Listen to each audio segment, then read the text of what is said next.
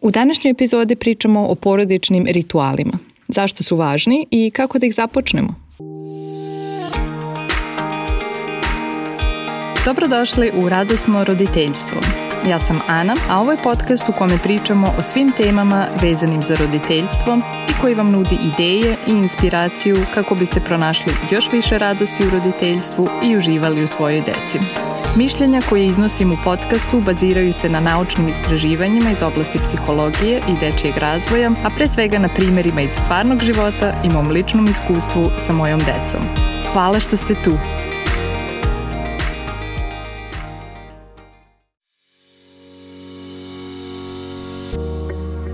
Rituali su aktivnosti koje se ponavljaju, koje su predvidive i kojih se dosledno pridržavamo. To su male ili veće stvari koje radimo uvek na isti način na dnevnom, nedeljnom, mesečnom ili godišnjem nivou. Rituali su često vezani za specijalne događaje, kao na primjer rođendane ili za praznike, Nova godina, Božić, Uskrs, ali ne moraju biti.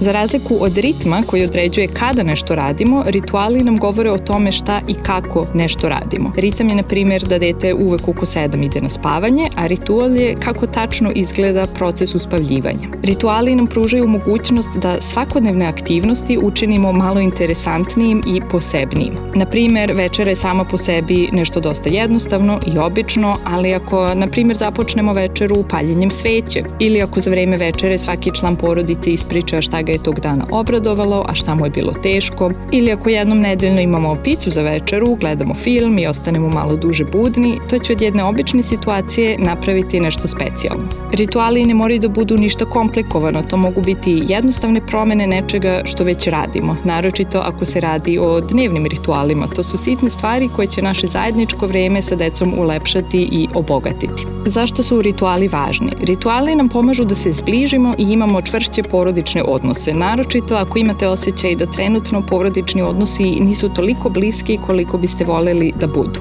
Svima nam se lako desi da smo zauzeti, da jurimo od jedne obaveze do druge i da možda ne planiramo svesno svoje vreme. Planiranje rituala nam u tome može pomoći time što ćemo se zapitati kako želimo da provodimo vreme, šta nam je važno i šta želimo da radimo zajedno kao porodica i obezbedit će nam bolji kvalitet vremena koje provodimo sa decom. Pored toga, rituali su nešto o čemu ćemo pričati, što ćemo iščekivati i čemu ćemo se zajedno radovati. Zatim rituali daju deci osjećaj pripadnosti i postaju deo njihovog identiteta.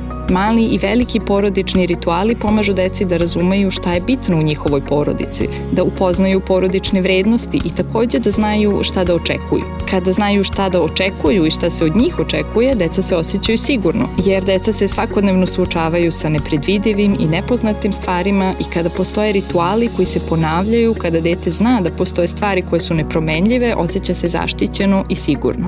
I takođe rituali koji se dosledno ponavljaju unose red i vremenom postaju navika. I kada je nešto navika, kada nešto uvek tako radimo, veća je verovatnoća da će dete sarađivati.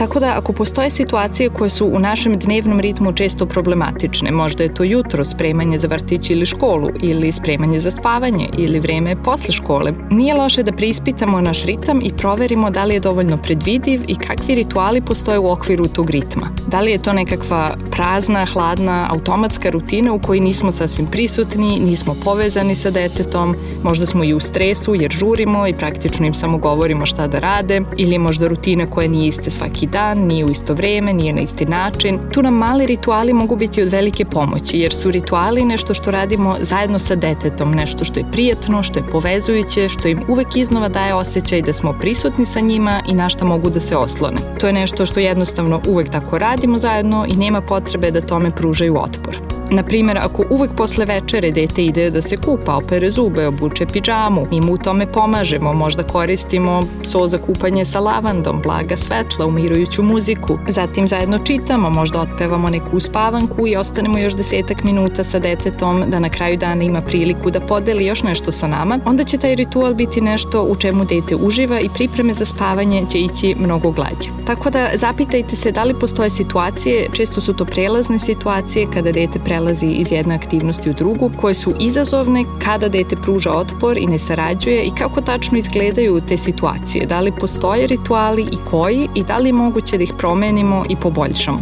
Ako nismo odrasli u porodici sa ritualima, možda nismo sigurni od čega da počnemo ili možda smo već nešto probali, ali nismo bili dosledni. Najbolji način da započnemo nešto novo je da započnemo sa malim izvodljivim koracima. Da bi neka radnja prešla u ritual na duži rok, mora biti lako izvodljiva u našim trenutnim okolnostima. Na primjer, mi smo pre par meseci započeli ritual da svaku nedelju provedemo u prirodi. Međutim, često se dešavalo da smo nedeljom imali neki poziv za rođendan ili ručak kod nekoga, što nam je takođe bilo važno, tako da nismo bili dosledni sa ovim ritualom i sada je naš celodnevni izlet u prirodi jednom mesečno. To je nešto što je za nas mnogo lakše izvodljivo.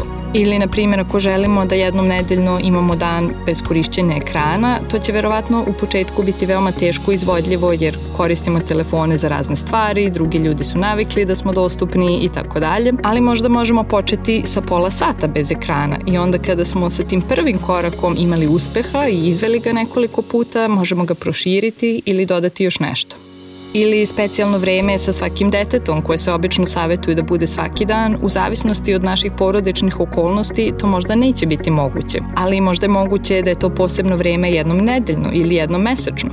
Ako možda mislite jednomesečno je tako malo, to nije dovoljno, setite se da se pozitivan uticaj rituala akumulira i nastaje u toku vremena. Rituali su značajni na duži rok. Tako da ako, na primer, svakog meseca provedemo dva sata sa detetom, to su hiljade i hiljade sati naše pune pažnje koje je dete primilo od nas u toku odrastanja. Ili ako jednom pročitamo detetu knjigu pred spavanje, to neće imati veliki značaj, ali ako detetu svako veče pročitamo jednu knjigu, to će imati ogroman značaj. Nešto što takođe pomaže je da taj novi ritual vežemo uz nešto što već radimo. Na primjer, kada vodimo dete u vrtić, možda možemo započeti specijalni način pozdravljanja. To može biti nešto jednostavno što uvek kažemo, ili kada deca dođu kući iz škole, možemo razmisliti o tome kako da ih uvek na isti način dočekamo. Ili možda jednom nedeljno imamo vremena da ranije odemo po dete u vrtić i iskoristit ćemo da posle toga bude naše posebno vreme sa tim detetom. Verovatno u vašoj porodici već postoji puno rituala, ali uvek je dobro da ih preispitamo i da se zapitamo kako se u našoj porodici slave rođendani, kako provodimo praznike, kako želim da izgleda doručak, večera, uspavljivanje, vikend, da li su ti rituali onakvi kakvi želimo da budu, da li predstavljaju naše vrednosti i našu porodičnu kulturu, da li smo dosledni, da li smo spremni da se obavežemo, da li su rituali predvidivi, da li možemo da se oslonimo na njih. Ovako mi radimo to i to, ovako izgleda naša večera, ovako slavimo rođendan, ovako dočekujemo novu godinu i slično. Postanimo malo svesni i razmislimo kakve rituale želimo u svom životu i sa kakvim ritualima želimo da naše dete odrasta. Sigurno se i vi sećate nekih porodičnih rituala iz svog detinjstva. Ta sećanja na porodične rituale su nešto što će ostati uz nas i našu decu celog života. Ti svesno planirani trenuci koji od običnog događaja naprave nešto posebno su ono čega će se deca sećati. Ponekad mislimo da će se deca sećati nekih velikih događaja, nekog specijalnog putovanja ili velikog poklona, ali ja mislim da su u stvari ti svakodnevni rituali i rituali koji se ponavljaju ono čega će se deca sećati i što će za njih uvek imati posebnu vrednost. Koji rituali već postoje u vašoj porodici? Koje dnevne, nedeljne, mesečne ili godišnje rituale biste voleli da započnete? Javite nam u komentarima uz ovu epizodu na web stranici radosnoroditeljstvo.com. I takođe, ako mislite da bi ova epizoda nekome mogla da koristi, podelite je sa svojim prijateljima.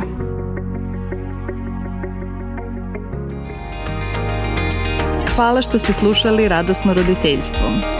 Ako imate neko pitanje, predlog ili samo želite da mi se javite, pošaljite mi e-mail na adresu podcast.radosnoroditeljstvo.com ili popunite kontakt formular na web stranici radosnoroditeljstvo.com. Čujemo se za dve nedelje.